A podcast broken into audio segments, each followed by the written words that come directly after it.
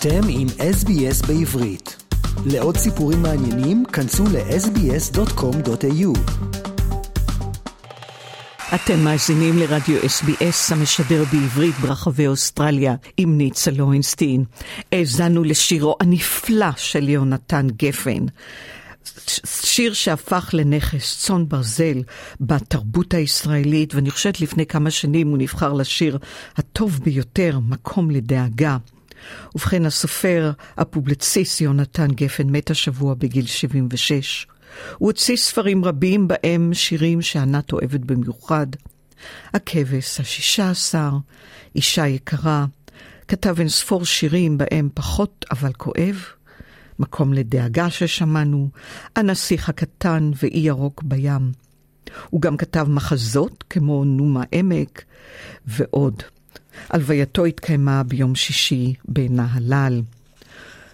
גפן גם נולד בנהלל ב-1947. אמו אביבה הייתה אחותו של משה דיין, ובזמן שירותו הצבאית של גפן היא מתה ממנת יתר של תרופה, דבר שפורש על ידו אחר מכן כהתאבדות. הוא כתב מ-72 עד 2013 טור במוסף אה, סוף שבוע של מעריב, ובשנות ה-70 העלה מופעי בידור וסאטירה, כמו מכתבים למערכת, זה הכל בינתיים, בינתיים זה הכל, שבהם כמו בספריו, בטוריו, במחזות שלו, הביע את דעתו על המדינה, בלי לנסות לייפות את המציאות או למצוא חן בעיני הציבור הרחב. בריאיון ל-ynet ב-2013 הוא אמר, הסיבה שאני כותב ספרים ומופיע, כי אלו הבמות החופשיות היחידות שיש לי, רק שם אפשר לומר דברים מבלי שיערכו אותך. מי שחושב שתוכניות כמו ארץ נהדרת או מצב האומה הם סאטירה טועה. אלה הם תוכניות בידור שנעשות בכישרון, אבל נועדו להצחיק. סאטירה נוגעת איפה שזה כואב, וזה מה שאני עושה. בריאיון אחר ב-2008 הוא אמר, אני לא חושב שאני מיתולוגיה, אני בטח לא דובר הדור, אני לא רוצה לחשוב על עצמי כעל אחד שהולך על חבל דק, רוכב בודד שלא הולך עם החבר'ה. יש לי יחסי אהבה, שנאה, עם המדינה שלי. אם מיתולוגיה זה שירי הילדות של האנושות, אז יכול להיות שכתבתי את שירי הילדות של המדינה הזאת. אבל ישראל, הוא אמר, הזדקנה נורא מהר. הנה, אני בגיל של המדינה ואני נראה יותר טוב, לא? אלפים כאמור באו להשתתף בהלווייתו. ההלוויה שלו הייתה לפי המסורת היהודית, אף על פי שהוא לא היה דתי. אביב גפן, בנו, אמר קדיש על הקבר, אחותו של יונתן גפן, זוהר בצר, נשאה מילים, היא אמרה, אין מילים, היינו ארבע ונותרנו שניים, מאז ומתמיד יונתן הוא הבכור. אז uh, הוא הראשון שעזב לתל אביב, הראשון להוציא ספר, ורק לפני שבועיים חגגנו את סדר הפסח, כמעט כולנו, וקבענו להיפגש שוב בקרוב. היינו ארבע ונותרנו שניים. ראש האופוזיציה, יאיר לפיד, גם הוא ספד לו, הוא אמר כל חייו, יונתן אהב.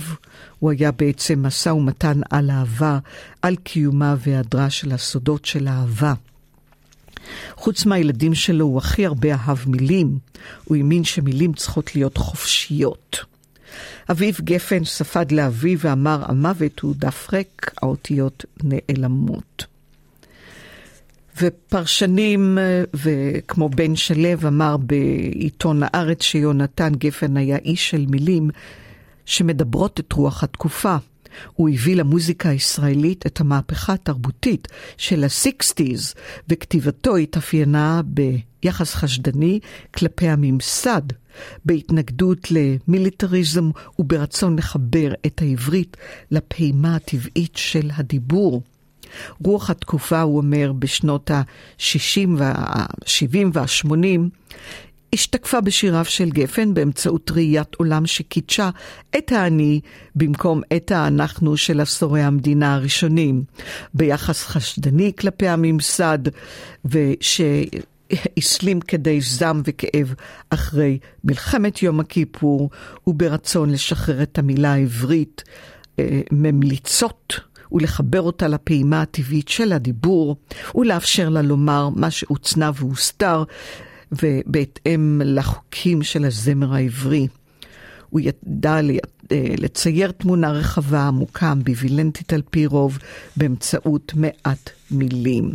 הוא התבלט בדמותו הציבורית, בפעילותו הפוליטית, והוא היה השגריר הבולט של דור ווסטוק בישראל, וגם הכתיבה לילדים.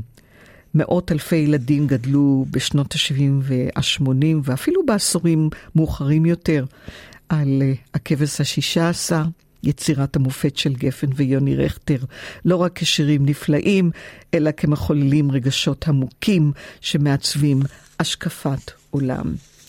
אז בישראל מתאבל, מתאבלים על uh, דור אה, מקימי המדינה, דור שנולד עם המדינה, 47-48, אנחנו איבדנו הרבה אנשים אה, בשנה האחרונה, את יונתן גפן, מאיר שלו, מאיר ויזלטיר, יצחק קלפטר, חיים טופול, וקודם א' ב' יהושע, אורי זוהר, עמוס עוז, נתן זך, ואלה רשימה חלקית של המתים הציבוריים מהעת האחרונה.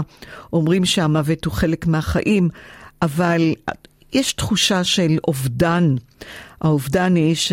האובדן היא שגם אנחנו מאבדים את דור המדינה. כל אלה מכונים דור המדינה, הם נולדו סביב הקמת המדינה והגיעו לשיא הישגיהם, השפעתם והצלחתם בשנות ה-70 וה-80. זהו דור שצמח בעידן המגויס של תנועות הנוער והאתוס של המחויבות להגנת המדינה ובנייתה בקיבוץ או בלהקות, צבאי, צבאיות, ונשאר קשור לערכים ולזהות הקולקטיביים. אבל גם עיצב את דמות האני האינדיבידואלי והאוניברסלי הטרוט במשמעות קיומו, וזה מה שיונתן גפן, הוא לא היסס להביע את דעתו. רוצים לשמוע עוד סיפורים? האזינו דרך האפל פודקאסט, גוגל פודקאסט, ספוטיפיי, או בכל מקום אחר בו ניתן להאזין לפודקאסטים.